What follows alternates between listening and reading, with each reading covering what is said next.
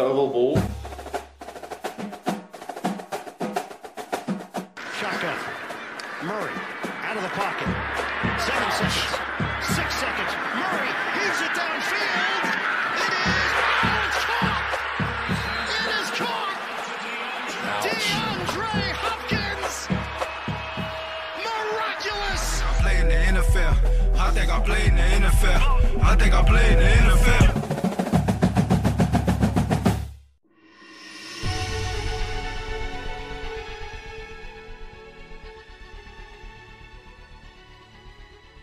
Hjertelig velkommen til Oval ball. Godt plassert i 2022. Riktig godt nytt år, Kenneth og Stian. I like måte. Godt nyttår. Takk. Vi gjør som vi gjør, gjorde i 2021. Vi ser tilbake på kampene som har blitt spilt. Vi går gjennom topp tre. Vi får forhåpentligvis, forhåpentligvis besøk av Pontus. Og vi skal jo se litt framover mot hvilke kamper du bør se i første runde i 2022. Jeg lar snappen gå i det nye året. Football til folket. Football til folket. Football til folket.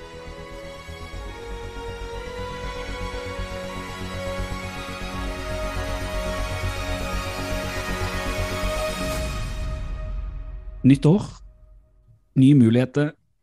Og floskel. Åh, ja, ja, ja. Men én ting. Nå, nå, har vi, nå har vi holdt på med dette her eh, nesten et år. Det var første episode i 2022. Og Kenneth, det er én ting vi bare må få, vi må få oppklart, vi må få ut av veien. fordi at jeg tror du har lyvd litt for eh, lytterne våre. OK?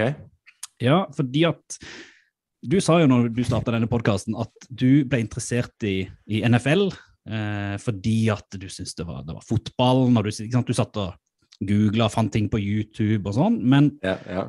og Stian tror egentlig at det har vært litt motsatt. Fordi at samtidig som du har prata om NFL, så har du alltid prata om disse hersens hønene dine. ja. Mm. Og så har jo vi da liksom... Jeg er spent på hvor du skal hen. Ja, ikke sant? For det, vi, det, vi gjør, det, det, det vi gjør, er at vi, vi er jo ute og sjekker konkurrentene våre litt. ikke sant? Se hvem andre er det som driver på med NFL og sånn i Norge. Så vi kom jo over sida, da. nfl.no. Ja. Som vi trodde da var en sånn konkurrerende side, hvor det er folk som jobber hardt for at eh, liksom, Norge skal få opptatt av NFL. Og vi tror du har vært inn på den sida. OK. Men Din før- side, tror vi. Vi tror egentlig det er din side. Fordi at nfl.no, vet du hva det er for noe, Kenneth? Nei, for jeg torde faktisk ikke å klikke på den lenka engang. jeg. Det er hjemmesida til Norsk Fjørfelag. Å, er det det?! Konge! Så jeg, jeg tror egentlig at det var der det starta. Og så søkte du NFL, og så var du på vei til Norsk Fjørfelag, og så endte du opp i oval ball isteden.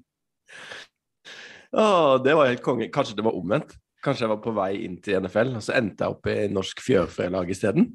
Det er Er derfor jeg har fått en Ja, ja, selvfølgelig. Alle som har um, høner er med Nei, jeg vet ikke hva det er engang. Er Nei. det liksom en forening? Det er en forening jeg, det er en forening jeg regnet med du var medlem i og hadde full kontroll på. Altså, de har jo altså Husk det Fjørfedagen i 2022, står det om, f.eks. Det står om de høye energiprisene som skaper problemer for dere kyllingbønder. Altså, her er det mye informasjon som du kan ta tak i. Jeg skal sjekke dette med Ja, en gang. ikke sant? Eh, men sånn, mens vi er inne på det, har det gått bra med kyllingene dine i 2022 òg? Uh, ja, de var jo uh, hjemme aleine eh, i, em, på nyttårsaften, måtte jeg på å si. Så jeg vet ikke helt de, hva de syns om raketter og sånn, men uh, to av de har begynt å legge egg igjen, da, så det, det, nå, er det jo, nå er det jo god stemning. Foreløpig. Mm. Og du Stian, sett bort fra fjærkre, har du hatt ei god jul og godt nyttår? Ja, Helt supert. Masse fotball på, på skjermen. Så det kan vi jo prate mer om, tenker jeg isteden. Ja. Ikke så interessant hvordan vi feirer jul. Det gjør vi eh, vel som alle andre. Det gjør vi hvert år, med eller uten kylling.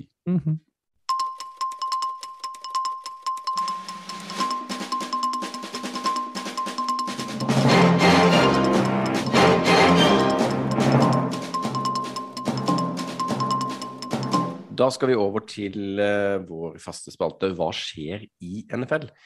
Um, og her uh, går vi jo innom uh, de kampene og det som har skjedd som vi ikke har med på topp tre. Og eh, vi må jo også melde at denne uka så ble jo en del ting avgjort. Så noen lag eh, på en måte svinner inn i forglemmelsens dal, vil jeg si. Eh, så det er ikke alt vi ja. Så det er ikke alt vi gidder å ta fatt på og gå innom akkurat i dag. Men det er jo noen lag som fortsatt lever, og et av de lagene er New Orleans Saints. De klamrer seg til et lite playoff-håp fremdeles. Kjempemerkelig, syns jeg, da, med såpass begrensa offensiv. De hadde jo en kicker som jeg tror han sparka bare fem field goals, eller noe sånt. Kom seg ikke til noen touchdown. Taysom Hill eh, så mm, medioker ut. Og, Ja.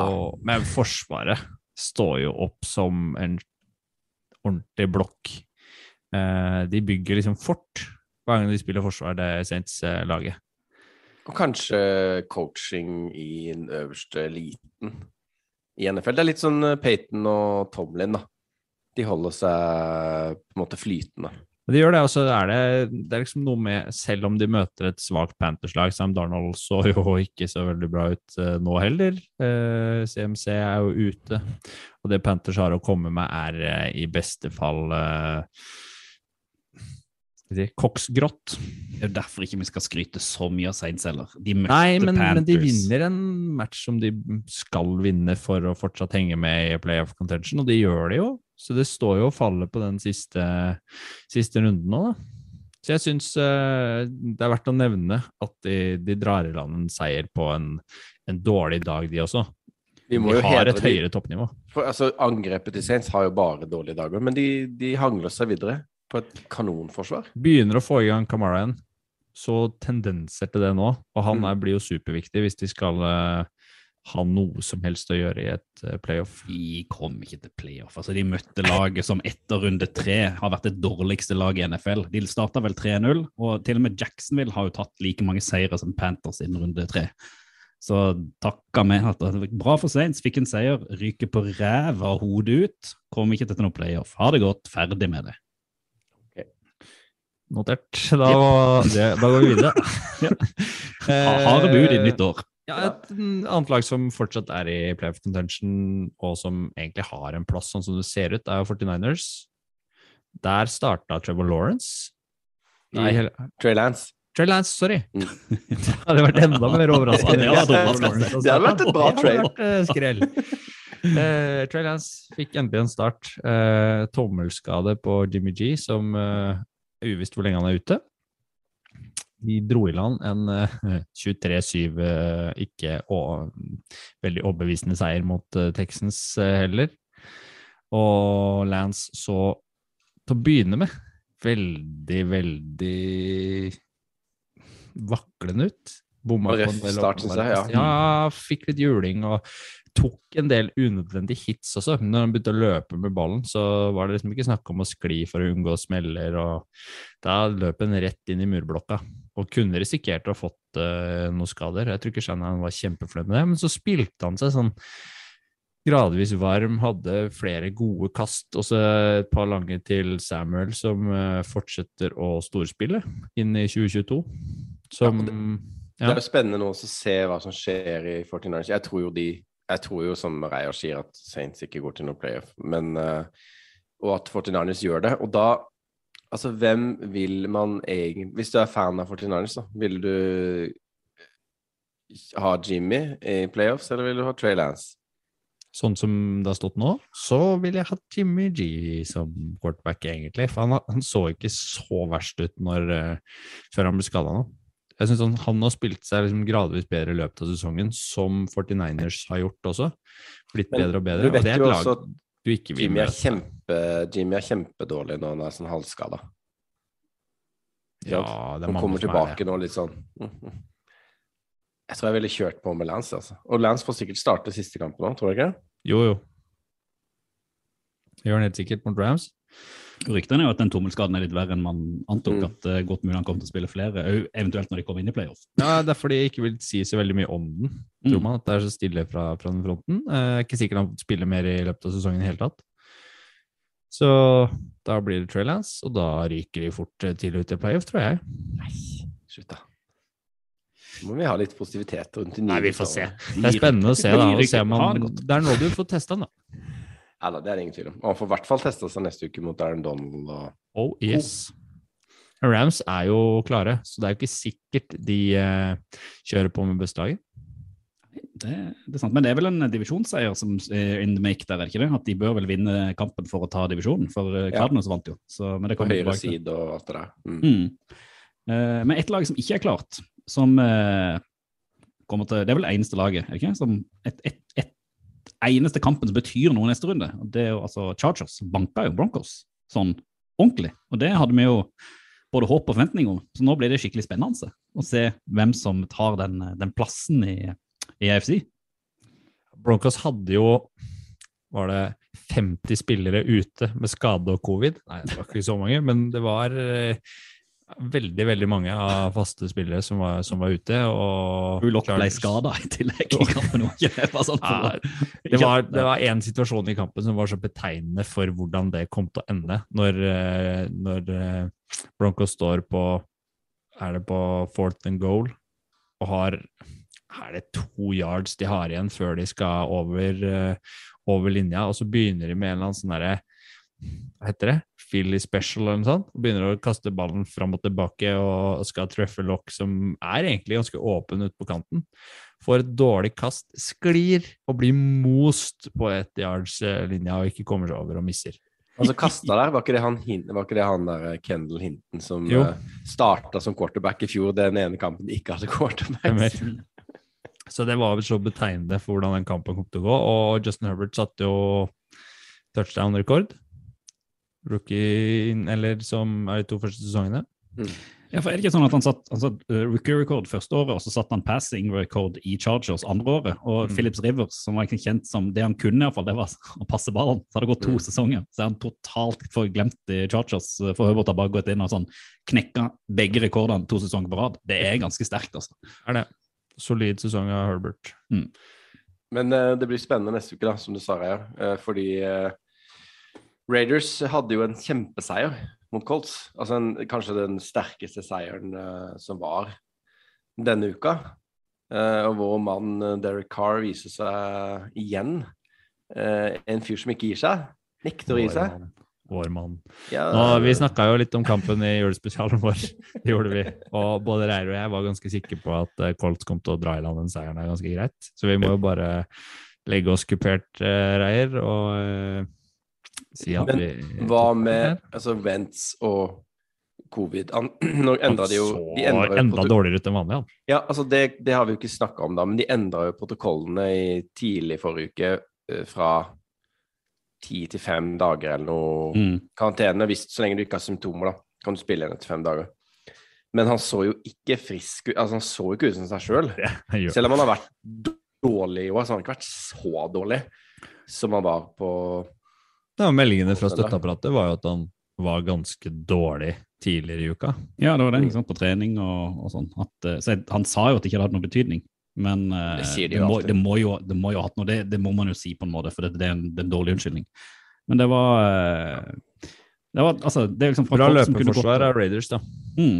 Eh, liksom fra Colts kunne vinne den, vinne den divisjonen, så kan de jo nå risikere i verste fall å ryke eh, hvis de taper siste, siste kampen. Så det var eh, Det er jo mange som har sagt det, men Colts var kanskje det laget med det største momentumet synes jeg, i hele ligaen. At Hvis de hadde tatt den kampen der, så hadde de liksom bare rusha gjennom og kanskje gått hele veien. Men nå har de jeg føler liksom, nå, de mista alt de hadde med å tape den kampen med Raiders. Og nå blir jeg liksom sånn usikker på hvor, hvor man har dem, hva de, hva de kommer til å gjøre og hva de greier å få til.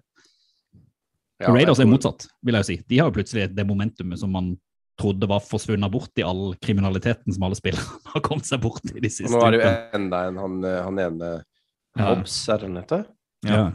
Han, han, var jo, han er jo en rookie som har vært kjempegod for de. Mm. Eh, enda en rookie, da. Som, eh, som eh, Mye fristelser i LA. Ja. Oh, yes. Så, så det er jo litt Han ble vel Var det Burde de tenkt på før de flytta laget fyllekjøring, var det? Ja, driving under the influence. Ja. Mm. Sånn at de har jo hatt sitt eh, De har hatt sin del motgang i år, da. Så det, det, igjen da, så tenker jeg at det hadde vært uh, gøy å se de Er det motgang, eller er det ukultur? Ja, det kan jo være begge deler, eh, vil jeg si. Men det er jo ikke noe tvil om at de har hatt ganske mye motgang. Og de har ganske mye ukultur. Så kan man jo se om det er samme vei, eller om det går to ulike. Ja. Uh, vi, må, vi kan sikkert prate litt om den kampen mellom Chargers og Raiders senere, men det er, liksom, det er jo storkampen neste runde. Og jeg kunne gjerne tenkt meg å sett begge vinne. Eh, For det er liksom to lag jeg gjerne kunne tenkt å hatt med meg videre i playoff. Men jeg må jo stå med det vi sa sist, at jeg legger jo alle loddene mine på Chargers videre i playoff. Det er jo det jeg vil. Så får vi se om de får det til. Skal, kan du snakke litt om Buffalo Bills også? Eh, som drar i land en grei seier mot Falcons. Eh, Oppskriftsmessig. Men ja, til slutt. Til slutt. For slutt. Vi har fått litt tyn for den topp 21 i 21-lista som vi lagde. Ja. Så, og så hadde ikke vi Josh Allen med på den lista. Men jeg syns kampen nå eh, på søndag er veldig betegnende for hvorfor han ikke var på den lista. Fordi Bills bare vinner den kampen fordi de går tilbake til et sånn basic run game hvor Singletary får ballen og får ballen og får ballen og får ballen, og til slutt får mosen inn i ensom. George Allen kasta så usikkert og var liksom så ut som Carson Wentz. Og kaster bort ballen liksom i helt åpenbare situasjoner og gjør dårlige reads. Så ut som en dårlig Matt Stafford, for han prøvde seg ikke på risikopasning engang. Han bare kasta og bomma gang på gang på gang eh, i starten der. Det var helt sånn det var fullstendig krise. Ja, for det, det er klart at taket, tak er høyt, men Mm. når han kaster bort ballen sånn som han gjør der, og gjør han det i en playoff-match Hvis de møter Er det Patriots de ser ut til å møte igjen nå? Som de, har, da, de går ikke videre da. Sorry. Nei. Men de klinsja vel egentlig nå den, eh, den tittelen i, i, i ligaen, uten at det er formelt gjort, da, for de skal jo vinne hjemme mot, mot Jets. Og så kan man jo si at Jets skal du ikke kødde med, sånn som de har spilt de siste, siste ukene, og Bills har vist at de er ustabile. Så det er jo ikke, det er ikke 100 men jeg tror jo at uh, gjennom den seieren mot Falcons, så det, det skal mye til. For at, Enig, men det ser ikke imponerende ut. Det ser Nei. ikke så rått ut som det gjorde i starten av sesongen. Uh, men de kan det- liksom gå for blowout-serie, men, men det, er ikke, det er ikke gitt. Det er andre lag som på en måte har pika formen eh, litt bedre, da. Men eh, med en gang sesongen er over og man snakker playoff, så er det jo, er det jo blanke ark, på en måte, da. Mm. Så det er uansett et lag som jeg tror vi kan eh, regne med må være favoritter i første kampen, i hvert fall. da. Selv om de møter Patriots. Men sånn, eh, helt på slutten, la oss, eh, Vi prata jo masse om playoff i jule, romjulsspesialen vår, eh, men la oss ta noen få ord, bare sånn at folket der ute er oppdatert på hvordan situasjonen er. For i NFC er jo nesten alt klart, sånn som vi har vært gjennom. Packers har tatt one seed, den er satt. Rams, Buccaneers, Cowboys, Cardinals, Eagles er klare for playoff. Mm. Eh, og så er det da rett og slett 49ers og Saints det står mellom. Uh, hvis eh, 49ers taper og Saints vinner siste runde, så går Saints videre. Vinner 49ers, eller spiller uavgjort, så går de videre. Blir ikke det riktig? Jo. Så det er jo ganske sånn Om ikke klart, så er det jo eh, Ja. Jeg tror 49ers går videre, altså. Det tror, eh, det tror jeg. I AFC, som alltid er litt mer spennende, eh, one-siden er jo plutselig fullstendig åpen. Nå er det Tennessee Titans som ligger an til å ta den, eh, for de ligger foran eh, Chiefs på noen sånne der, ting jeg ikke helt eh, forstår. Men i alle fall hvis begge de to vinner sine kamper, så er det Titans som tar den. Hvis Chiefs vinner og Titans taper, så er det Chiefs som tar one-siden. Eh, Bengals, Bills og Patriots er jo klare. Eh, og så er det jo da at her er det jo litt mer åpent med at både Colts og eh, Chargers, som nå ligger inne, kan ryke. Og både Raiders, Steelers og Ravens av en eller annen merkelig grunn ennå har en teoretisk mulighet til å komme seg inn i playoff. Og da er det jo veldig spennende som nevnt at Raiders og Chargers møtes igjen. Rett og slett en én kamp, vinneren går til playoff. Eh, rett fram. Hvordan tror dere det ender i AFC? Jeg tror jo Dolphins, da. De røyk, de røyk. Ja, det kan vi jo nevne, da, at eh, det var en bad take der fra forrige uke. Men eh, man må liksom leve litt. Ja, en av mange. Henge seg litt ut der. Eh, men nei, jeg tror Jeg tror uansett Colts går videre, fordi de møter uh, fortapte Jacksonville. Jacksonville. Mm.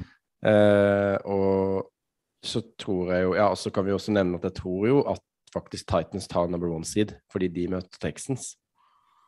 Så, så, um, så det tror jeg faktisk blir en overraskelse, men også gøy for Titans, da, fordi Vilt-laget De har jo brukt uhorvelig mange spillere i år. Eh, Og kanskje Derrick Henry er tilbake eh, til playoffs. Men eh, mellom Raiders og Chargers, det føler jeg er så åpent som eh, Bingo. det går an. Altså, de, begge de lagene har jo en tendens til å tape de viktige kampene, føler jeg. Eh, så Interessant hvis begge kan tape den kampen. men, da. men ikke sant, og så kan det jo ende La oss si at den ender uavgjort, og da kan vel noen andre snuble seg inn på et vis, eller åssen er det?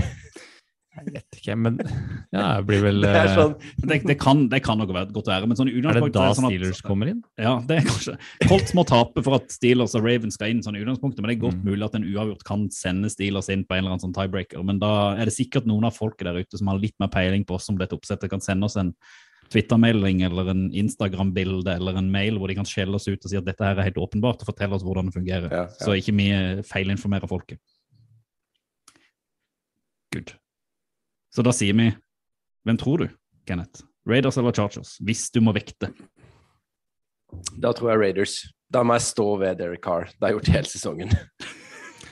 Jeg føler det står og faller på om Brendan Staley holder hodet kaldt og klarer liksom å kalkulere når han skal gå for det, og når han skal sparke ballen. Vært mye field goals de siste ukene. Jeg har det. Han har eh, tatt til seg Jeg tror de har hatt et møte på bakrommet der. Eh, og så spørs det om Derrick Henry Nei, eh, Derrick Carr har dagen. Ja, Herbert har alltid dagen, så der handler vel mer om forsvaret til Chargers, om de greier å stoppe noe, eller om de bare er åpen låvedør igjen. Hvordan- jeg kan jo si det sånn, jeg håper på Chargers, jeg frykter Raiders. Det er vel så langt jeg kan gå.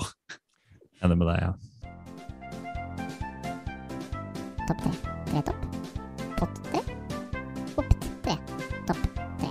Oval vals, topp tre. Topp tre. Årets første. Sesongens uh, Ja, vi begynner å nærme Det er ikke den siste, men det begynner å nærme seg et uh, sluttpunkt for, for den spalten. Uh, Reier, hva har du på lista di i dag? I dag har vi gjort uh, noe helt nytt. For de som følger oss på sosiale medier, så ligger jo allerede mine topp tre-øyeblikk ute i en sånn deilig film som eh, ble lagd fra runden. For det skjedde så mye rart, og det er jo litt det jeg har, har liksom plassert på min topp tre. Alle de rare, merkelige tingene som skjer i NFL, som kanskje ikke er sånn kjempeinteressant sportlig, men uh, allikevel ganske morsomt. Og på tredjeplassen min, uh, og vi må jo prate litt om den kampen òg, så er det vår kjære Tua Tangavaloya. Er det sånn man uttaler det? Tangavailoa. Tangavailoa. Tu- Tua. Vi kaller det Tua. Du sitter vel i Tua-drakta di nå, Kenneth? Som vanlig? Alltid. Selvfølgelig. Han Den skulle blir jo nå en- vaska i mellomtiden. ja, det, det håper jeg jo. Han skulle jo endelig vise at han var en playoff-quarterback av Dolphins eh, etter var det syv på rad de hadde. Nå var et lag å regne med og skulle kvalifisere seg til sluttspill og skulle endelig møte topplag i Tennessee Titans. Og de ble totalt overkjørt som et, altså et godstog. De hadde null sjanse. Og det toppa seg for min del. Nå husker jeg ikke når i kampen det var, men det var Tua da som skulle prøve å kaste en pasning. Han står i pocket, vrir seg rundt. Det er jo bare å gå inn og se på denne filmen som ligger på vår Twitter-konto, og miste kontroll på ballen i armen uten at det er noe forsvar rundt han. Det er som et spøkelse som står og prikker han på ryggen, og så bare prøver han å kaste, men da ligger ballen allerede i lufta når han har er- syns hun er såpe på ballen. Ja, ja, ja. Og det var bare, det var bare en sånn oppsummerende av hele Dolphins sin liksom, siste krampetak om å komme seg til playoff, at de er ikke i nærheten av å være topplag ennå. Mens Titans Deilig å se at de eh, virkelig er der eh, man håper at de skal være. Og nå går ryktene om at både eh, Derrick Henry og Julio Jones kommer tilbake. Om ikke til siste runde, så til playoff. Ja, over. jeg skal avbryte deg litt, eh, Reier. Vi skal ha en liten quiz. Oh, ja, En liten uttalequiz skal vi ha nå. i min topp tre-liste. Ja, ja, Mm. for det passer. For, okay. for eh, det, er, det er to, to uh, spørsmål. Ok. eh, eller to eh, uttaler som skal gjøres. Se på chatten på eh, som er lagt inn der. Det er fornavnet til Tua. Fulle navnet til Tua. Fulle, så Tangavaloya, eller hva man kalte det, var jo ikke det vanskeligste. Ja, Nei da, det er ikke så ille. Okay. Så du som stokka tunga di på det, kan du få prøve deg på fornavnet. Så jeg vil at du skal prøve først. Jepp. Han heter da Tua, Tua Niga Manuel Manuelapola. Mm. Tua Niga Manuelapola. Det var, det var noe. Ja, det var noe. Men det var ikke riktig. Men det var noe. Kenneth, da? Tua Nigamanuolepola. Ja, det var bedre. Det var bedre, det. Ja, jeg skal ikke prøve. Men det er jo Det litt sånn eh, Tanga Vailoa skrives jo ikke akkurat sånn som det uttales. Så jeg vil ikke ta vår uttale her som god fisk. Tua Niga Pola. Vent. Noe i den duren. Eh, vi har et til. Ok. Vi har en til. Fordi at eh,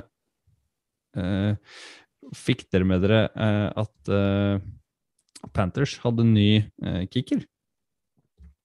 Eh, nei. Nei, beklager, altså. Det burde jeg jo selvfølgelig. Så glad som jeg er kickere. Men det var ikke den kampen jeg følte jeg hadde mest behov for å se. Nei, da kommer det et til. Det må uttales litt fort, da. Det må Da, uttales. nå Er det meg som skal gjøre det først, først, da igjen? Kenneth. Kenneth først. Kenneth først, ok. Mm. Ok. Det var bare morsomt, da. Oi. Lirim Hajrulahu? Hajrulahu? ja. Lirim Hajrulahu. Ja, det var fint. Mm. Han hadde ikke en superdag på jobben. Hva slags ah, Hvor kommer dette navnet fra? Har du sjekka hvem denne personen er? Uh, Lirim? Lirim, ja. Det var et stilig fornavn. Ja, altså, Lirim og jeg, vi er på fornavnet, vi. Det Det er bør man være med han. kickeren til, til Panthers. Det kan vi like. Har det vært veldig mange nye kickere i år? Ja. Nei, er, det, bare, det er kanskje bare Det er Kosovo som Eh, Kosovo. Kosovo- Kosovo-canadier. -hmm. mm. Oi. Ja, det er bra. Noen flere, noe flere quizer før jeg Nei da, sender vi skal ikke det. Vi, det var det jeg hadde i dag.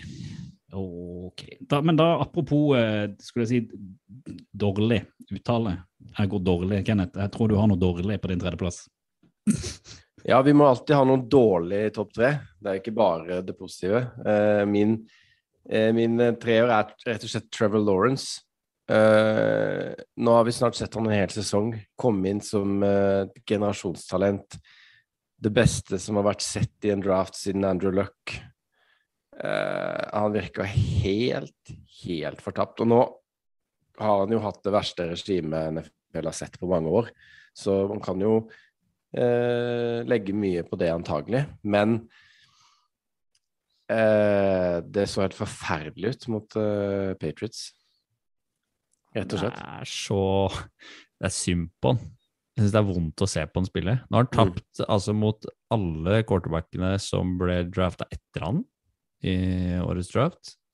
Tapt litt sånn, Ja. blitt ordentlig overkjørt nesten, altså. Det, Ja. ja.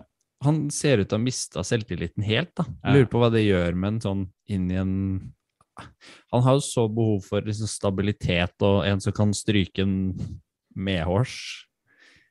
Men hvis de får en god, altså inn en eh, headcoach nå som kan ta litt vare på han og bygge han opp i offseason og matche han riktig, og kanskje til og med i draften får de henta inn noe, både noe på offensive linjer som kan beskytte han, og noe han kan prikke ballene til, og sånn, så kan det jo være Mm. at han kan ta de stegene man forventer til neste år. Men det er ja, det er en fryktelig, fryktelig, fryktelig rookie-sesong fra Trevor Ja, Lawrence. jeg har ikke lyst til å avskrive ham på noe som helst vis, jeg altså. Jeg bare tar det med fordi, som du sa, eh, Stian, syns jo synd på han, liksom. Så det er jo Du kommer inn i inn i det der eh, brennende bygget i Jackson. Så det, var jo helt, det, jo helt, det har jo vært kaos fra, helt fra starten av. Eh, men eh, Men han har jo veldig- prestert dårligere enn det vi hadde trodd, eller? Ja, det tenker jeg òg. Jeg tenker jo også det, da. At eh, noen av de nye kommer jo inn og løfter eh, franchise, selv om ikke de, selv om ikke det ser så bra ut, sånn som f.eks. med Burrow i fjor, da. Mm. Var det han hadde den andre touchdown-pasningen på syv kamper eller noe sånt? Ja, ja. Nå mot Bats? Var, Ja, det er tung materie, altså. Så vi må jo bare håpe at for hans del at de klarer å få inn noen bra folk på trenersida nå, da. Eh, og at ja, det kan bygges på nytt, rett og slett. da. Bare glemme den sesongen, hive den i søpla og tenke at nå er det ny rookie. Erfaring. Ja da, det er klart det. Ja. Han har jo aldri hatt motgang før. Han har vel aldri hatt en nesten, Han har vel aldri tapt i regular season på verken high school eller college, tror jeg, eller et eller annet sånt. Han har jo helt sånn syke stats. Og har jo vært Så sånn god konsensus uh, nummer én-pick i mange år, før han liksom declara i draften.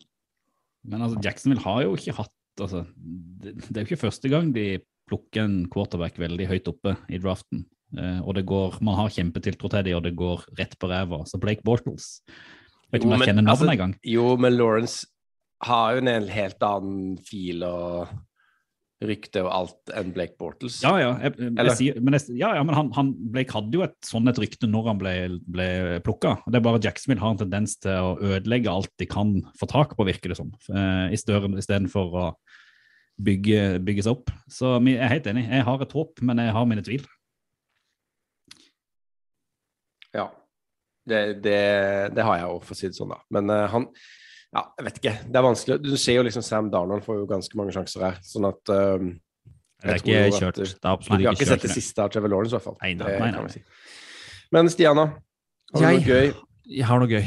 Det fikk dere kanskje med dere også. Uh, har dere sett eh, senteren til Vikings? Gareth Bradbury.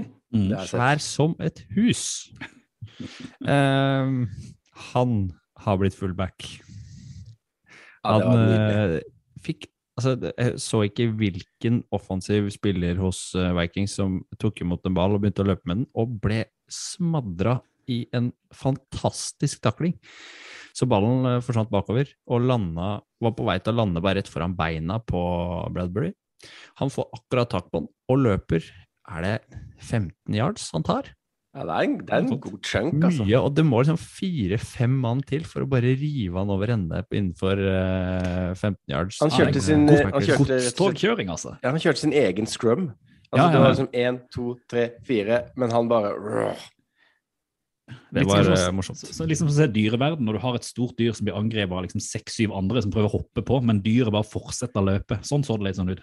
Gjorde det. Men Mm. uh, det holdt jo ikke for de da. Vikings uh, dro bare ti poeng mot uh, suverene Packers, som jo har vunnet 13 seire i tre sesonger på rad. Mm. Og Endelig de fikk Cousins covid, da. Ja, Ja. men noe godt. glem det. Snakk noe mer om Packers som er ser ja, ut som. Superbowl-bound. Mm. Det De har ikke mye imponert, bra- syns jeg, og de er likevel på 13. Ja, og, ja, men de har, de har bra spillere i alle ledd. Mm. Og nå er det jo snakk om at sant, nå får de bye week. Kanskje de til og med får tilbake folk på den offensive linja. Bakhtiari er på vei. Det har han vært hele sesongen, men eh, ja, jeg, jeg har litt troa på at han kan komme tilbake og spille i, i playoff. Og de, de har eh, bra backfield, de har bra linebackers, de har be, beste wide receiveren i ligaen. De har Jones og Dylan som eh, to kjempegode running backs, ikke sant? De har en Og- hjemmebane som du fryser ballene av når du skal Ja, spille. Ja, var nesten 25 minus. Eh, Ja. Kurt Benkert eh, tweeta her eh, rett før kampstart. Eh, det så så kaldt ut. De har liksom alle fordeler man kan tenke seg inn i et sluttspill. Ja, og de har jo den beste spilleren i ligaen i tillegg som quarterback. Jeg, jeg vet ikke om man skal si liksom, om pass rushet til Vikings er dårlig, eller om det er linja til Packers som er bra, da. men han får jo stå og prikke pasning etter pasning etter pasning uten at det liksom ja, Han blir ikke satt ut. Du presser han ikke i det hele tatt. Og det er klart at når, du, når Rogers får så mye tid som han, som han gjør i pocket, så gjør han ikke feil. Nei, han gjør ikke det. Nei, så solid av Packers. Eh, solid av Bradbury. Solid av oss som hadde han på førsteplass over beste spillere i 2021. Han fortsetter i 2022. Neste. Reier. Og på solid, Andreplass. andreplass, solid. Det man kan si, det er at skal man si, drakta, suspen eller hva enn eh, Chuck Clark har mellom beina, meget solid. For Chuck Clark er jo da en forsvarer i eh, Baltimore Ravens som greide å ta en interception eh, i kampen mot Los Angeles Rams. Og igjen så henviser jeg bare til Twitter for å gå inn og se den deilige videoen. For den ballen var på vei til vår kjære Odell Beckham. Den fikk han ikke tak i. Han ble veldig forbanna. Skulle prøve å ta ballen tilbake. Fant ut at det fikk han ikke til.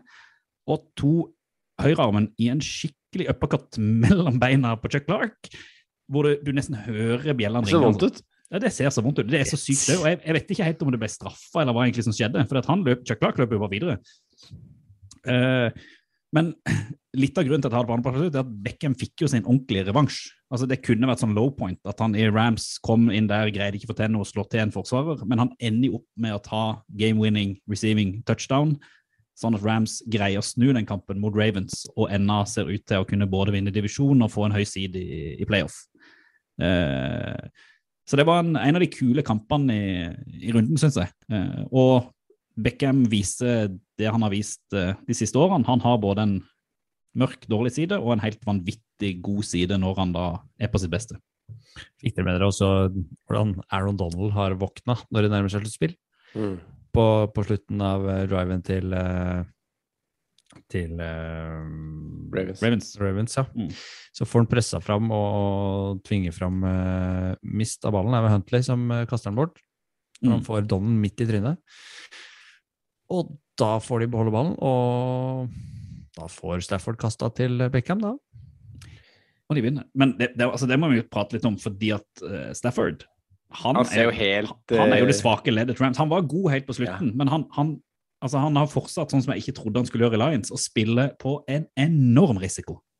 Altså Han spiller på så høy risiko at han har jo jeg tror han, har, han er den quarterbacken i ligaen som har høyest snitt på interceptions gjennom de årene han har vært der. Det er liksom kontinuerlig. Han har òg helt ville kast. Det ser man jo i den kampen. Uh, men jeg tror ikke Rams kan gå hele veien så lenge han spiller med den risikoen han gjør. Fordi at det, det kommer til å straffe seg.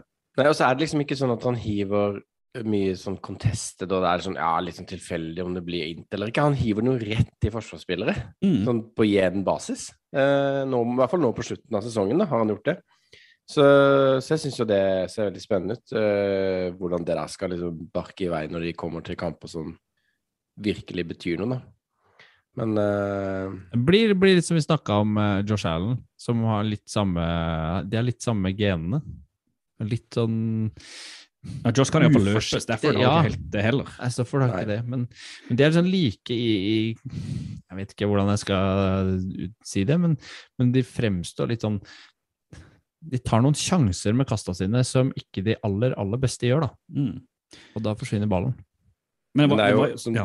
med Donald, da, som du sa i stad, at eh, han kommer til å få masse stemmer på Defensive Player of the Year i i, i år også. Eh, basically på grunn av avslutningen av sesongen, da, fordi han har vært så eh, ja, skal man si, fenomenal nå de siste kampene. Og vital da, for at eh, Rams faktisk vinner, når Stafford eh, kaster så mye ints som han gjør. da. Så trenger de et forsvar som eh, er på, på topp. Og det, det redder de jo her òg. Altså, det interessante med denne kampen synes jeg, det var jo et Ravens-lag som egentlig var helt ute. Det pratet vi om sist. Jeg har masse skada spillere, men spiller en taktisk helt fantastisk kamp hvor de bare bruker masse, masse, masse tid på hver drive.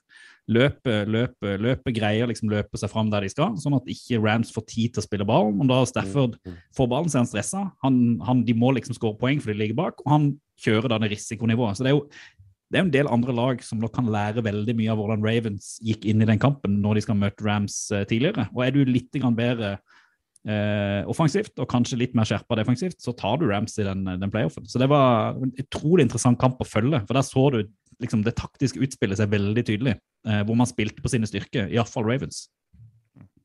Så dere, apropos slag, da, så dere det andre slaget i kampen mellom Ramsey og Taylor Rapp, han uh, inne i huddelen til, Mm. til, til Rams, da. Ja. Plutselig, det var, jeg så det bare i reprise, så kommer det bare en hånd ut i Som dytter han Rapp i hjelmen, da. Og så er det Jalen Ramsey som gjør det. Så, men jeg, jeg vet ikke noe mer, jeg så ikke noe mer om det på Det ble ikke noe ut av det, men det så ut som han ble forbanna for ble det. ikke så veldig, Jeg var ikke så, så veldig fornøyd ut av han Taylor Rapp etterpå, etter det hadde skjedd. Men uh... Eh, men jeg, jeg tenker vi må hoppe, hoppe litt, eh, litt videre. Eh, og vi må jo videre til du, Nå hadde du dritt på nummer tre. Det tviler jeg på du har på nummer to, Kenneth. Det har jeg ikke på nummer to, fordi der har jeg eh, Jamar Chase slash Joe Burrow.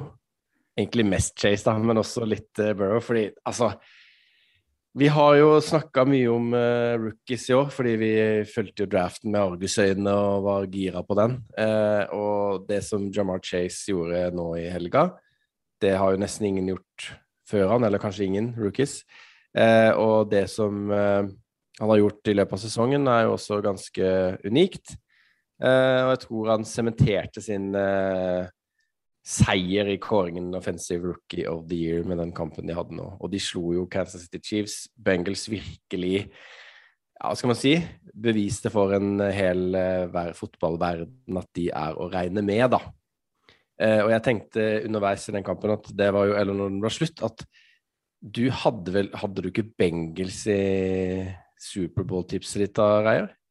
Jepp. Det, det- var med hjertet. Å, jeg gledes. Det var jo eh, med tanke på at jeg håpte de skulle få det til. Nå, nå vil jeg jo si det at eh, Chiefs-forsvaret har jo i løpet av sesongen vært litt ustabilt, og hvordan de dekka opp Jamar Chase, Ja, utrolig. altså helt vanvittig. Eh, det må jeg bare si. Men eh,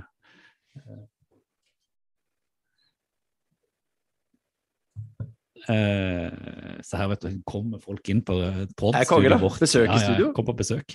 Eh, nei, for, Nei, men ja, de- de- altså, de, de, de- så, så det, var jo, det ble jo lett. altså Chase bare løp han og tok imot. Men eh, når Burrow kasta han eh, med hva heter det, magnet i armene Ja, Altså Gang på gang på gang, på gang, og de ligger under 14-0 mot et Kansas City Chiefs som egentlig har vært, de har vært så gode til å kontrollere kamper når de har ledet. Spille Mm. lange plays, spille safe. Allikevel så får de det til. Jeg, altså, kanskje en av de mest imponerende kampene jeg har sett i NFL i år. Av et, Skikkelig eh, god kamp. Mm.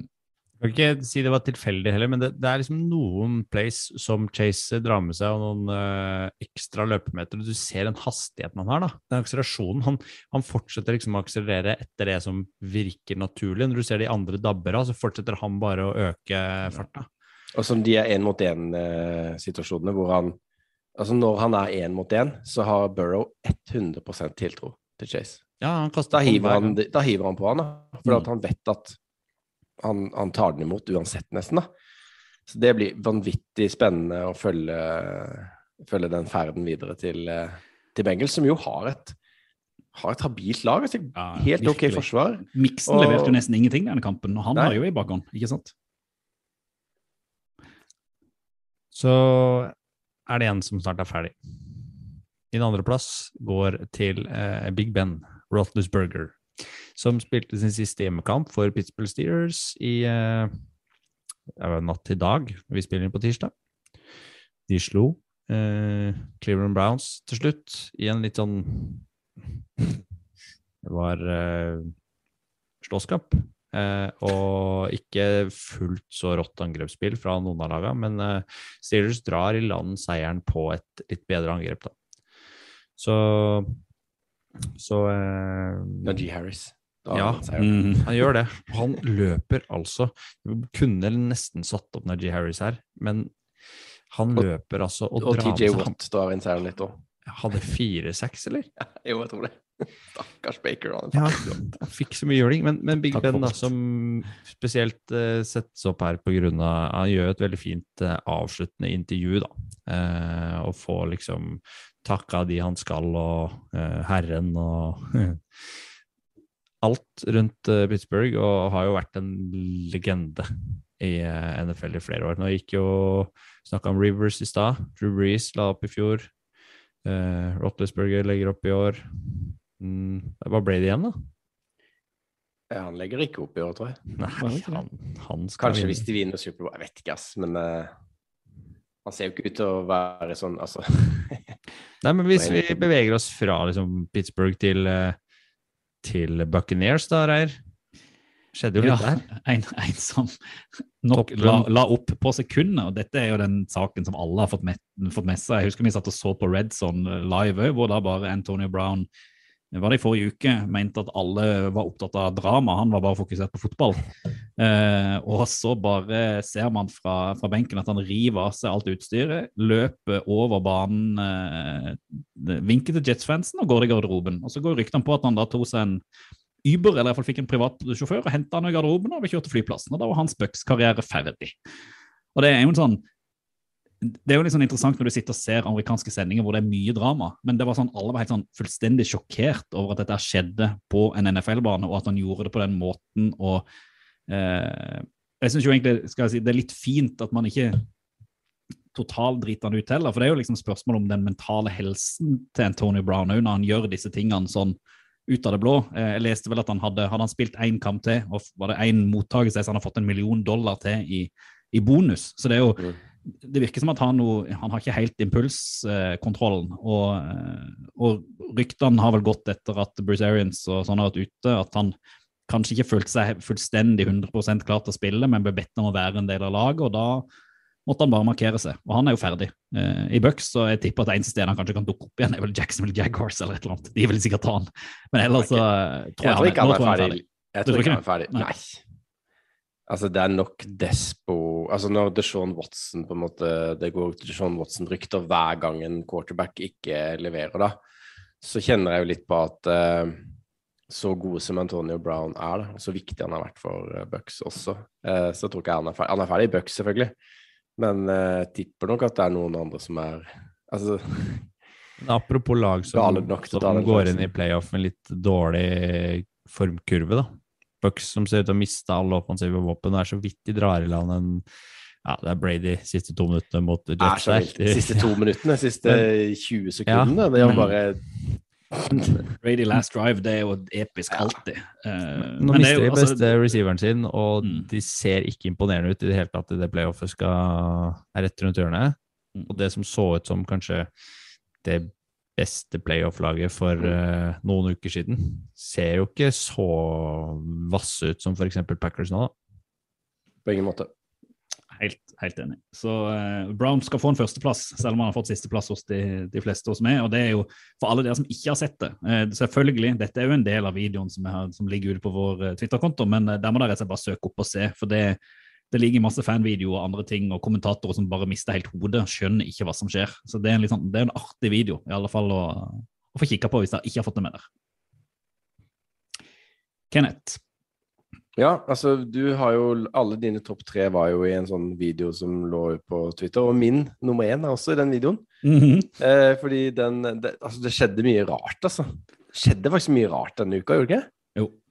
Føler liksom at det var eh, peak rariteter altså, eh, på denne sesongen. Men det er jo da Jalen Hurts som uh, leda Raiders til eh, seier og, og playoff. playoff. Men det var ikke det som på en måte var det mest spennende som skjedde. Det mest spennende var at på vei av banen så var det masse fans som lente seg over et gjerde, og så raste hele gjerdet. Eh, og Hurts hoppa unna eh, og kom seg greit ut av det. og Han er så god i pocket. sekund- ja, han er så kjapp.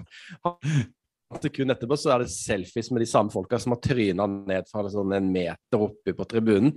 Mordforsøk. Og det går så fort. Altså, de Ja. folka bare spretter rett opp, og så er det selfies med Hurts. Det er, ja, det er veldig vittig. Det ser nesten ut som det er sånn fortfilm-tullevideo, men det er Mm. faktisk det som skjer. Eh, så Vil du tenke litt sånn covid-greier òg? Så kommer det liksom eh, 15 publikummere som bare omringer den og det er ikke så farlig å få covid eh, på søndag er eller, eller mandag, vet du. For da, da er du klar igjen neste uke. Det er klart. Hvis du ikke er jo i playoff nå, så han trenger ikke spille, spille neste kamp uansett, så det passer bra, det. Ja, de kommer nok til å hvile en del spillere, Mm. Eagles, tror jeg. Eh, og, og Hurts sjøl har jo vært sånn del, litt ska, sånn halvskada, eller ja. Så Men det er altså ut, Utover det at han er kjapp til å hoppe unna folk som faller på han, så syns jeg at uh, det er rom for å hylle Jalen Hurts litt også. Uh, for den sesongen han har hatt, og alle de spørsmålstegnene som var. De starta vel også 2-5, tror jeg. Uh, og så kom Minshu inn, og det var mye sånn roping om det. Og så Jeg må si at jeg liker Jalen Hurts veldig godt. Han er en av mine favoritter fra denne sesongen. da. Så utrolig spennende å følge han i videre karriere. Hadde ikke trodd at man skulle si at han, han er en solid upgrade fra Carson Wentz, uh, men det, det er han. Altså, eh, Mm. Fordi at Carson Wentz på sitt beste i Eagles var, var god, men Jalen Hurt føler jeg har et mye større potensial og mye mer å spille på. Uh, Mm. Og det ser man i, i måten han liksom, Apropos det å komme seg vekk fra de publikummene, men det er litt sånn tiltalende. Altså, han, han er så god til å, å, å finne seg rom, finne plass og ikke bli takla, og har òg begynt å bli god til å kaste, selv når han er på, på, på farten. Selv om Eagles er type run eh, offense, så de blir spennende selvfølgelig i playoff. De er på en måte underdogs. De har ikke tid. Mm. Sist gang de vant, så gikk de jo inn som favoritter. Nå er de jo underdogs, så det er spennende å se om de kan gå hele veien. De har jo erfaring med det for ikke så lenge siden. Og ligger vel muligens an til å møte Bucks, tror jeg. Og det, som vi snakka om i stad ja, Målveier, det. Mm. Mm. Du bare leder med mer enn syv, eh, Ja. ni poeng. Ni, mer enn åtte. Men 8,5. Så går jeg inn. Eh, vi, når vi snakker liksom om de beste eh, i ligaen i år, så snakker man jo om eh, offensiv eh, beste, defensiv beste, rookie eh, osv. Men vi snakker også om den beste treneren. Og jeg vet ikke om han er den beste treneren, men jeg syns i alle fall at eh, han har visst prov på det, godeste Cliff Kingsbury i eh, head coach i Cardinals nå. Cardinals var jo inne i en liten sånn nedadgående kurve de siste ukene og ikke helt klart å få flyt på flyt på skuta etter at uh, de hopp ble skada. Uh, slitt litt offensivt. Nå slo de uh, Dallas Cowboys i helgen i en utrolig underholdende match. Uh, vant 25-22 til slutt. Og det som ble avgjørende, og grunnen til at jeg liksom har satt opp på, eh, på nummer én på min liste, det er egentlig at Cliff Kingsbury, han er en rev. Og han lurer McCarthy til å ta en å bruke en timeout tidlig i fourth quarter når eh, de egentlig står på er det, De skal løse et field goal, men så lar Kingsbury både Kyler Murray og Matt Prater stå på banen. Setter opp Prater på siden sånn at det ser ut som de skal til å ta eh, snappe og, og gå for det. Og da må han bruke timeouten. Og på slutten av matchen, når Dallas jager et uh, avgjørende poeng for å må få tak i ballen, så uh, har de ikke flere timeouts igjen når det som ser ut som en fumble fra Husker ikke hvilken Cardinal-spiller det er. Uh, blir dømt som mottak, og Cardinals får beholde ballen og får tida til å gå ut. Og de får first down på det mottaket. Så hadde de hatt igjen den timeouten, så hadde de hatt en mulighet til eh, i hvert fall klar uavgjort. Mm. Så det syns jeg er eh, veldig godt gjort. Du ser jo de små marginene som avgjør de kampene. Så jeg tenker vel egentlig at vi skal eh, bruke litt tid på timeouts videre i dag, ja. og på challenge. Så jeg tror vi skal spille jingeren for ukas flagg, så skal vi kalle inn Pontus, og så skal vi eh, få litt orden på hva det er for noe. Khalif Raymond from the 30. Flag is down. And Raymond has run out of bounds. Another flag comes in at the 32. There are six flags on the field. har vi fått besøk, nyttårsbesøk, svensk nyttårsbesøk av en ekspert, for det trenger vi nå, når vi skal liksom fortsette litt på Cliff Kingsburys eh, taktiske grep, hvor han eh, robba McCarthy for en eh, timeout. Men først, eh, Pontus, godt nyttår, da. Takk det samme. takk det samme. Jettekul å være tilbake. Ja, du har, har feira jul i Sverige? Nei, du har vært eh, på Vestlandet, du. Jeg har vært på Vestlandet, ja. Sittet i bubbelbad ute i minusgrader i hele julen. Fint, da. Ja, det er skikkelig nice. Det høres ut som eh, medisin for en uh, aldrende running back, det, da. Oh yes, verkligen. Få, få vad heter det, njuta av massa blodcirkulation i kroppen och läka gamla sår. Åpne blodårene litt med litt uh, godt drikke, kanskje òg? Ja, det kan, kan også hända. Ja, så bra. Vi vi snakka litt, om, eh, litt om timeouts og bruk av timeouts, hvor viktig det kan være når du kommer inn i, eh, når kommer inn i liksom playoff, og i hvert fall avgjørende deler av både kamper og viktige kamper, da, for å utnytte det. For det er jo ingen sport i verden nesten som har hvor du bruker så lang tid på de siste to minuttene av en kamp som du gjør i, i NFL. Kan du bare si litt om hvorfor timeouter er viktig først? Ja, eh, timeouts är ju eh, alltså det som är en av de sakerna som är så fantastisk med amerikansk fotboll.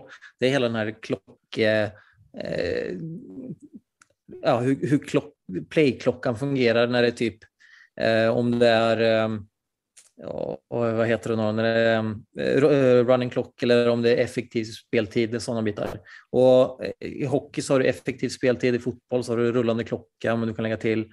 Men i amerikansk fotboll så är det en blandning av eh, det är i stort sett baserat på hur spelet eller hur det tidigare playet slutar. Då. Eh, vilket gör att det blir väldigt, väldigt spännande och taktiskt eh, när du kommer ner på sluten. Eh, och varje lag har ju tre stycken timeouts som de kan ta. Och eh, de kan användas till massvis med olika ting. Eh, används som tidligt så är det för till exempel att då eh, man är osäker på något eller typ de har linat upp eh, på någonting som du ser att, eller offense har linat upp på något vis som du ser att ah, nej, men vi ska eh, de kommer få en typ touchdown på det här spelet och vi har inte försvar, rätt försvar inne. Ja, men då kastar vi en timeout så vi slipper få en touchdown mot oss och sådana bitar. Då. Nettopp det som Man- skjedde i Cardinals-matchen. Ja. Mm. Ja, eh, och det, och det är ju, eh, man kan se det ibland på, på quart, eh, quarterbacks som går in och ser eh, dominerer i red zone og sen så har de kollat et visst play og så ser de nei, det her kommer vi ikke skåra på for de forsøker ta bort akkurat det vi skal forsøke gjøre. Og så kollar de en timeout og så går de og snakker, for at denne touchdownen er extremt viktig. Liksom. Eh, så det, det er oftest det de bruker timeouts på inne i liksom, eh, ja, när det ikke er i slutet på, på en halvlek. Mm. Eh, och i slutet av halvleken så använder man oftast det, när, säg att när du har typ two minute offense och sådana bitar, så eh, har du väldigt kort tid på dig, men du har en drive som du måste skåra. Och om det är en incomplete pass så stoppar ju klockan. Det är därför du kan se till exempel att de ja, försöker bara passa i slutet, vilket gör att klockan, spelklockan går väldigt långsamt. Det är bara liksom de sekunderna spelet faktiskt är igång som, som den rullar. Medan om du tar emot den eh, och ja, blir tacklad inne på banan eller om du tar emot eller om du typ löper med den så då fortsätter klockan rulla eh, de 40 sekunderna för då går playklockan igång. Så de har 40 sekunder på sig innan de måste igång nästa spel. Men om det då eh, blir en ja, mottak eller om det blir en löpespill innan, inne på spelbanan så rullar ju spelklockan de 40 minuterna. Så då blir, eh, då blir timeouts, de tre stycken de har varje halvlek, blir väldigt viktig då för att försöka stoppa klockan och sådana bitar. Och du kan använda den antingen för att stoppa din egna eller så kan du använda för att typ motståndaren löper ner och eh, försöker få löpa ut klockan så mycket som möjligt. Och du vill stoppa dem och ha så mycket tid som möjligt för att ditt, an, ditt försvar ska, eller anfall ska få tid för att kunna skåra en ny touchdown till exempel. Her hadde jo Bare avbryte deg litt der. fordi Når man bruker det sånn på slutten, så har man den derre two minute warning også, som de kjører i USA, som er en sånn reklame-timeout også. Så de får jo en gratis timeout når det er to minutter igjen. Yes. Eh, men her på, i den kampen vi snakker litt om, da, der kasta jo også han McCarty. Han, kastet, han brukte en timeout før two minute warning, sånn typisk eh, 20-25 sekunder før. Mhm. Og fikk en timeout rett før det også, så han blåste på en måte bort to timeouter før han burde gjøre det. da. Ja. Eh, Det der er også också en taktisk hvordan man vil gjøre rundt two minute warning. Mange ganger så vil de kasta en eh, two minute warning eller en, en timeout precis innan two minutes. For da eh, kommer du automatisk få en, en timeout vid two minute warning som tar veldig lite tid ut av klockan. Eh, jeg mener, har du lång tid, jeg mener, rullar klockan så kommer den stoppa først når den kommer ned til two minutes. Så då kan vara om den är typ 2.39 liksom, så Mm. kan den gå 39 sekunder hela vägen ner då, innan den stoppar på minutes. Så ja, det är också en taktisk Ja. hur det går precis runt där. Nettopp. Men så har du har jeg lagt merke til at av og til så er det jo spillere som blir skada, sånn at spillet stopper. Og Da virker det jo som at det, det blåses timeout. Men er det noen av lagene da som blir altså Si at du har en spiller på ditt eget lag som blir liggende nede med en skade eller brukket bein eller noe. Må du da ta en av timeoutene du har tenkt å spare opp til taktisk spill for at det er det, eller hvordan fungerer det? Det, eh, Alle de timeoutene er dommertimeouts, så det er dommerne som, som initierer de timeoutene, så det blir ikke eh, draget fra lagene. Eh, men eh, Men så betyr det da at hvis, hvis du er skikkelig skikkelig drittsekk, så kan du fake en skade på slutten av en kamp for å få timeout som du kanskje ikke har, eh, sånn at klokka stopper og at du har litt mer, mer å spille på. Det høres ut som en veldig sånn smart taktisk ting å gjøre. Man kan gjøre det. Eh, Det er litt ulike ting på det da, eh, som kommer inn, inn til play på det. For at du har, du har det med at du, om, du, boll, om tiden startar på snap eller om den startar på ready. Och är det en domartimeout där så kommer den förmodligen att starta på ready. Det vill säga när domaren blåser igång och säger att det är klart och då har du en 25 sekunders klocka som rullar. Och då kommer, kommer tiden rulla. Så ja, du kan spara viss tid på det. Och det har hänt också bara av att defense är nere och är skickligt trötta liksom. Att du har typ helt plötsligt två spelare som droppar och har väldigt ont och måste ligga en stund så att de får återhämta pusten och sånt. Eh, Men domarna kan också kasta penalty, eh, unsportsmanlike eh, penalties på dem då, så att du får en penalty på det.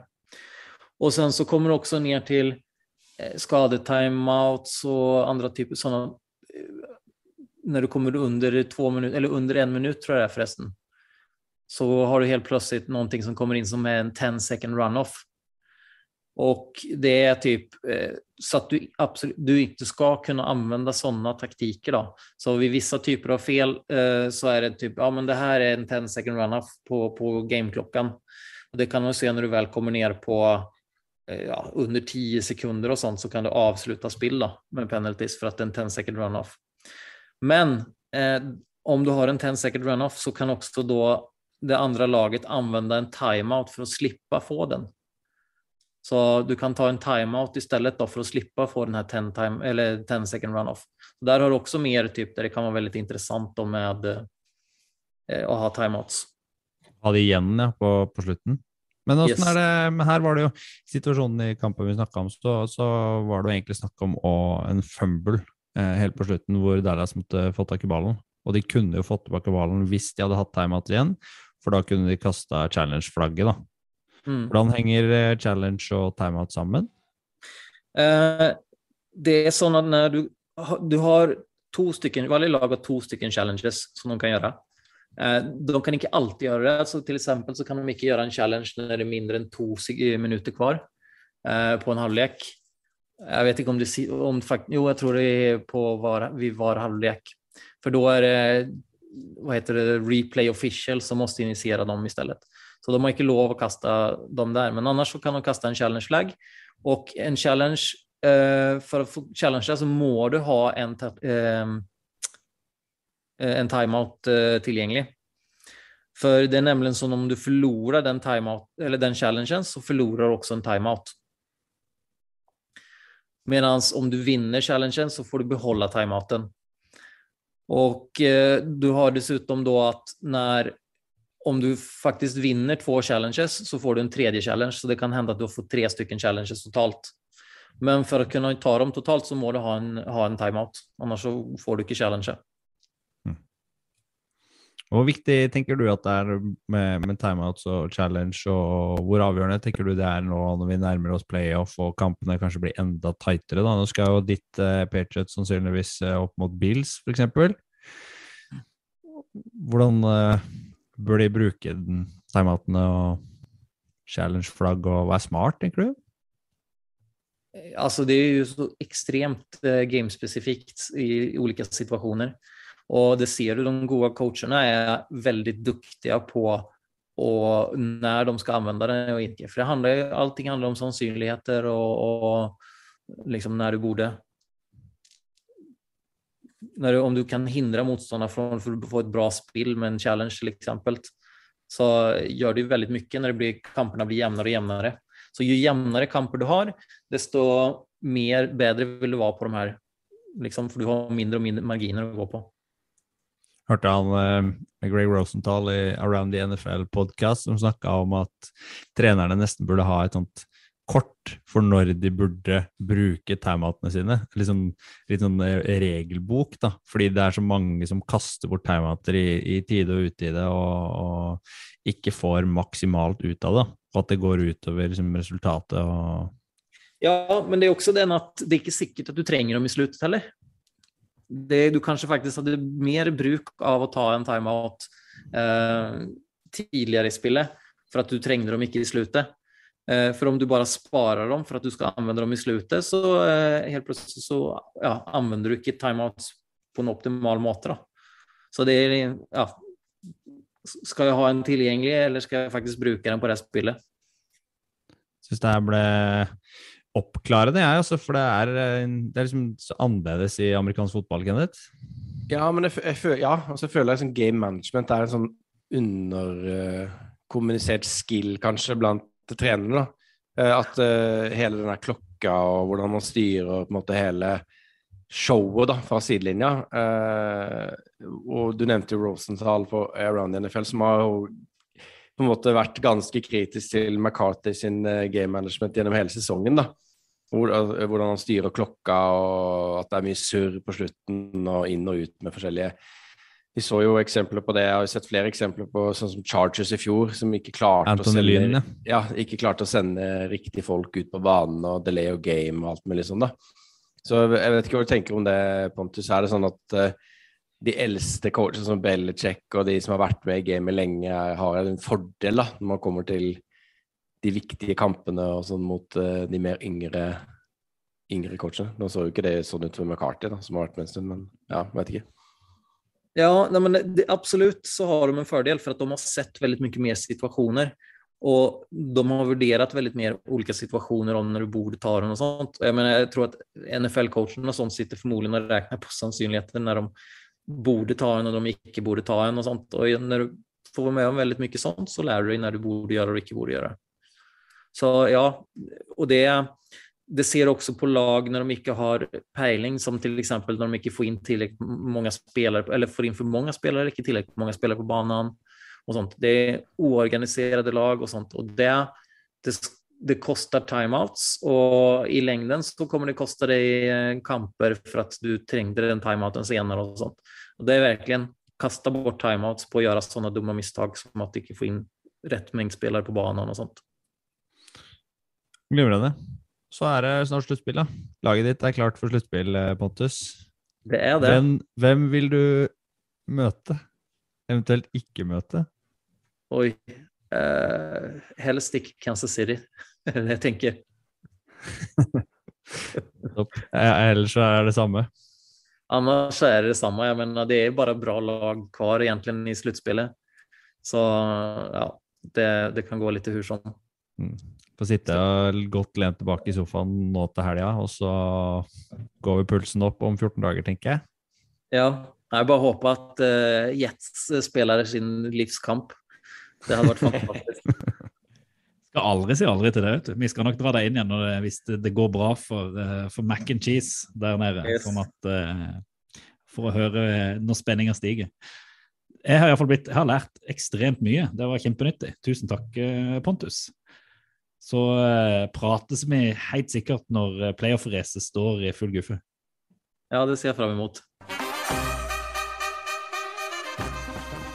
Det er det beste jeg har hørt. Dette er gøy. Det der, det er fett. Oval ball anbefaler. Da er vi kommet til uh, ukas anbefaling. Du blir så Eh, formell du når du tar uh, forteller Ja, men rollen. eh, dette er jo en eh, formell introduksjon av deres eh, fantastiske nyttårsaften. Fordi mens andre var mest bekymra for er champagnen kald, kan vi sprette den, er det lov med fyrverkeri, har vi nok stjerneskudd til ungene, hvordan går det nå med kalkunen i ovnen? Så hadde dere to helt andre planer på nyttårsaften, nemlig college til folket. Altså å se college, hva blir det, semifinalene. Diverse bowl games som har skjedd den siste uka. Men dere valgte altså å tilbringe nyttårsaften foran skjermen. Eh, og Reier, hvordan eh, gikk det hos deg? Nei, det, var, det var utrolig gøy å se college. Altså se tro, kanskje potensielle first round pick 2023, Bryce Young eh, spiller og sånn. Men mitt problem var jo bare at jeg måtte jo prøve å finne ut hvor de viste disse kampene. Og etter mye søk og leiting så greide jeg å finne en sånn der halvdårlig link som da sikkert har sendt inn sånn trojanske hester inn i PC-en min og sikkert sendt ut porno-greier til hele vennelista og sånn. Så jeg ble sittende og se litt på den før den der liksom bare to Pornoen eller uh, fotballen? Uh, Nei, jeg så fotballen. Men Helt til linken tok over PC-en og jeg måtte, måtte gi meg. Men det er jo derfor vi har det, Stian. For du har jo da funnet ut hvordan man ser college på den riktige måten, og hvordan du da personlig slipper å betale for det. Så jeg eh, Først chatta jeg litt med Hedli før dette de semifinalene skulle spilles i, på nyttårsaften. Og fikk eh, tips om noen lenker som ja, var helt uh, greit. Og så viste det seg jo egentlig at uh, ESPN Player, som er egentlig ukas anbefaling, er den som har uh, best eh, både skal vi si, kvalitet, og du har ulike valg, du kan se fra ulike kameravinkler, og du har egentlig De sender jo alt av collegeidrett og Jeg tror de har 10 000 live events i år. Det er helt Så sykt! Enormt stor ukas anbefaling, da. Men Det er et kaninhull, for å si det ja, sånn. hvis du er glad That's i å følge med, og det er faktisk mulig å betale veldig lite for det. Det er ikke så dyrt. Det, ja, jeg betaler ingenting. Hvem betaler for det? Stian? Kona. Vet du om at hun betaler for det? Nei. Jeg er flink med ekteskap, altså. Men uh, hvor mye er det egentlig det koster? Husker du det? Jeg så ikke på prisen, ja. men Jeg Nei, men det er i hvert fall ikke veldig dyrt. Nei, jeg og, jeg, Er det 150 kroner i halvåret eller noe sånt? ja, det er nesten ingenting. Det er, det er, det er, det er tullete billig. Og eh, du nevnte jo Hedli um, uh, i stad, og han hadde jo en kjempegod uh, gjennomgang av eh, diverse college-spillere i eh, forkant. Eh, og han må dere følge på Twitter, og følge siden hans eh, college fotballsnakk. Eh, for der er det mye gøy å lese, Og det var jo spesielt på nå. Den tråden som gjorde at Reir og jeg ble litt interessert her, da. Fordi vi hva, hva annet skal man gjøre på nyttårsaften når man ikke er i noen større selskaper og er hjemme med familien allikevel? Man har jo prata med dem hele jula. Ja, ja, de har jo lagt seg, så da må man jo ha et eller annet å gjøre. og da Hvorfor ikke se, se fotball? Og for meg som eh, droppa litt ut av den der draft-kaninhullet dere havna i i fjor, jeg meg sånn skjønte jeg jo plutselig litt greier. For det da å sitte og se disse potensielle eh, first og second round pick spille der, og se liksom den nivåforskjellen og hvor gode de er, og, og liksom tanken på hvor kunne de passe, hvem bør de gå til, på hvilket nivå, dritspennende, så det må jeg bare si. Så det er eh, ESPN-player og college og kaninhull. All for it. Ja, og du kan jo bare tenke deg, da, når du ser hvordan Justin Jefferson, Joe Burrow og Jamar Chase har kommet inn i ligaen, så kan du skru klokka et par år tilbake i tid, da alle de tre spilte sammen og LSU vant National Championship. Tenk så sykt gode LSU var, da, på college-nivå, når de hadde de tre spillerne på offense, som alle går inn og er ganske dominante i NFL. Det er kjempegøy med college, og jeg må bare si at jeg gleder meg til draft season. Ja, vi tvitra ut uh, f.eks. en lenke til highlightsen fra Rose Bowl, som ble spilt på, på søndag også? Vær så snill å gå inn og se det. Det er uh, stor idrett og fantastisk underholdende. Jeg si, Men, dette er første, eh, det er første gang vi har hatt ukas anbefaling som til slutt endte vel i syv eller åtte anbefalinger. Det elsker jeg. Ja, men det, Det er ikke. Det er jo egentlig. ESPN Player vi, vi skal til, hvor du kan Ja. se all Alt herligheten. da. Ja. College til folket. College til folket. Nei, hva skal du se på? Hva skal du se på? Rundens utvalgte. Det er ganske trist, egentlig, for vi har kommet til siste uke i sesong. Ikke noe mer red zone på et år, og ikke noe mer eh, søndagsfotball hvor man kan sitte og switche mellom alle kampene. Og, og dermed har vi gjort en liten vri denne uka, fordi at det er så mange kamper, og det er jo fint, men det er veldig få kamper som egentlig har noe betydning. Og akkurat nå, rett før playoff, så tenker jeg vi skal være litt opptatt av de kampene som har betydning.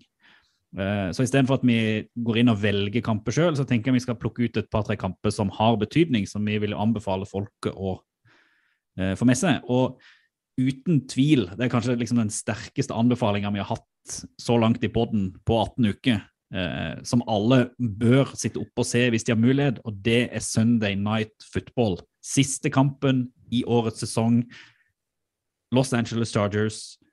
Eh, Los Angeles Raiders, skulle jeg til å si. Las Vegas eh, eh, møtes, vinneren går til playoff. God damn! Det blir kamp. Det blir skikkelig kamp. Det er verdt å sitte oppe for den, altså. Hvis man har litt labre planer på, på mandag. Eller tåler Eh, litt mindre søvn. Så burde det Jeg tåler litt minnesang. Vi har jo snakka om den tidligere i uh, poden, men det er bare å hype det videre, altså. Dette er um, ukas viktigste kamp, og årets viktigste for disse to lagene som har en tendens til å tape viktige kamper, begge to. Tror eh, det skal bli kjempegøy. Jeg planlegger jo faktisk å se det opplegget. Tror det skal bli kjempegøy. Ja, jeg planlegger å prøve å stå opp litt tidlig og så se en reprise før alt smettes ut på sosiale medier, og litt hvem som har vunnet og sånn. Med, med en, eh, sånn at man i hvert fall får sett eh, ordentlig hvordan det går for seg. For, jeg, for her er det, det er fullstendig bingo, føler jeg. Den kan gå alle veier. Hvis vi må tippe noe, da Vi, vi var litt inne på det i stad, men jeg holder nok en knapp på eh, Herbert, ja. Mm. Jeg ser at Raiders spiller hjemme. Eh, jeg er redd for at Chargers svikter igjen. At de er liksom et enda mer sviktelag enn Raiders. Så jeg sier som jeg sier tidligere, jeg håper, jeg tror på Chargers, men skulle jeg tippe, så tror jeg jeg hadde lagt bongen min på Raiders. Ja, og jeg står ved Derek Carr, som jeg gjorde tidligere i episoden. Ja, så det, sånn er det. Da er det godt at det er du som kan tippe blant oss, Stian. Sånn er det. Det er noe andre Det er to kamper til, tenker jeg, som eh, kan være verdt å gløtte på. Du kan vel egentlig se begge de to også. Eh, tidlig søndag så vises Saints Falcons. Der må Saints vinne mot et uh, Falcons som ikke har noen ting å spille for. Divisjonsoppgjør, da. Men det de divisjonsoppgjør. divisjonsoppgjøret, de, de kampene mellom Falcons og Saints er alltid Mm. tøffe og harde. Og Falcons spiller hjemme i Atlanta Dome, er det ikke det heter? Så det, det blir ikke noe Mercedes-Benz. Mm, Mercedes-Benz er det nå. Mm. Er det ikke? Nei, Falcons hjemme. Ja. I Mercedes-Benz. Er det ikke Ja, det, det- stallen de heter? Er ikke det hjemmebanen til Saints, da? Er ikke det superdumme? Det er det! Mm. Og Går det vikle inn i rundt for meg? Nei, det må vi Ikke ikke. Det er tak iallfall i hvert fall på begge, er det ikke det? Det er det Nei. Jo, jo, det er helt riktig. Ja. Inne. Men den kampen inne. er jo egentlig ikke noe gøy å se på. Den tror jeg er litt dritkjedelig sånn spillemessig, men den betyr jo veldig mye for Saints, da. Så Man blir jo sittende og se på Red Zone i, i det vinduet der, Gjør kanskje uansett. Og så seint søndag så går eh, 49ers og Rams, da. Hvor 49ers helst må vinne for å eh, være sikre på å ta seg til playoff. Og det er jo også divisjonsoppgjør, så det blir trått, det også. Sannsynligvis stiller vi Rams eh, litt redusert, da. Ja, hvis det er sånn at de, Jeg vet ikke om de fullstendig har clincha den divisjonstittelen, hadde de det? Hvis Arizona vinner. Så dermed så kan det bli en litt mer spennende kamp enn kanskje Hvor viktig den sidinga er kontra det å spare, spare godt- det er litt godt spillere, da. Det er et godt poeng. Det blir spennende å se. det får vi se på søndag. Det får vi se på søndag. Og, eh, For de som er kjempeivrige, det går jo litt kamper eh, andre tidspunkter og nå. De har flytta to kamper til lørdags eh, kveld og natt. Chiefs Broncos begynner søndag kveld klokka ti, tror jeg.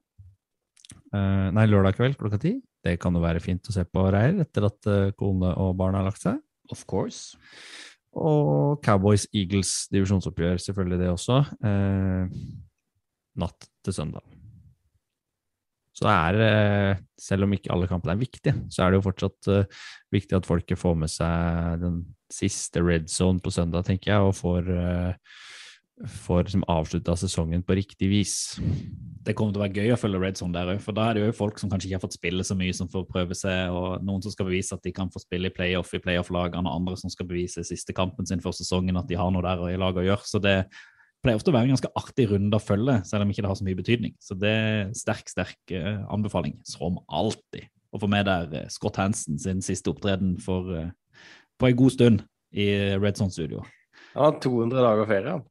Ja. Eller han Det- gjør kanskje andre ting eh, mellom er Han fortjener fri.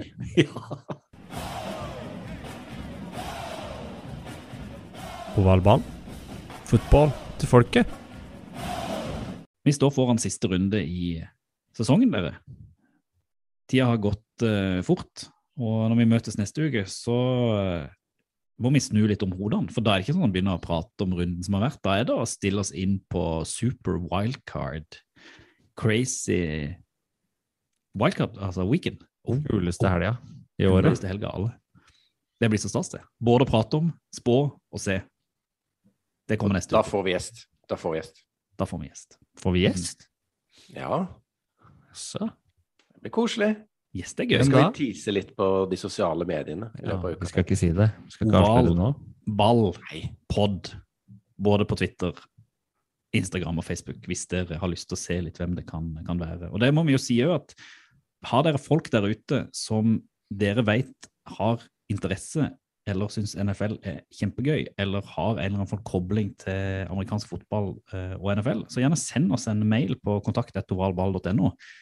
For vi er ute etter å ha mange interessante og kule gjester nå i løpet av våren når sesongen er over, og da vil vi gjerne ha tips fra dere om hvem det bør være. Om det kan godt være politikere, det kan være bussjåfører, det kan være anleggsarbeidere, det kan være gartnere, lærere, Superkjendiser. Ikke flere lærere. Ikke flere. Nei, det er sant. Lærere kan vi droppe. Men iallfall gi oss en lyd, for vi, vi har jo en del navn på lista, men vi er veldig interessert i flere hvis det er noen der tenker bør inn her og prate litt NFL eh, med oss i løpet av, av våren. Så det er sagt iallfall før vi dundrer i gang med Super Wildcard Weekend. Ja. Noe mer å si? Nei, jeg tror. Nei. Første uka i 2022, du er tom. Men eh, det er litt det samme som vi tar opp med Pontus. Har du noen regler som du har lyst til å ta opp? Skjer det noe i playoff? Et eller annet som du lurer på, eller som syns eh, kan være en kul situasjon, noe som sjelden skjer? Ta og Tips oss, og så tar vi det med Pontus, som kan forklare i detalj, på svorsk, hva som foregår. I god, gammel football til folkestil. Fotball til folket, da. Football til folk. Do the Titans have a miracle left in them in what has been a magical season to this point? If they do, they need it now. Christie kicks it high and short. Going to be fielded by Lorenzo Neal at the 25. Yeah, give it Pitches to- it, back to Wycheck. He throws it across the field to Dyson. He's got something. 30, He's got something. 50, He's got it. 40, He's got it. 20, 10. He's got it. five, End zone. Touchdown, Titans! There are no flags on the field! It's a miracle! Tennessee has pulled a miracle!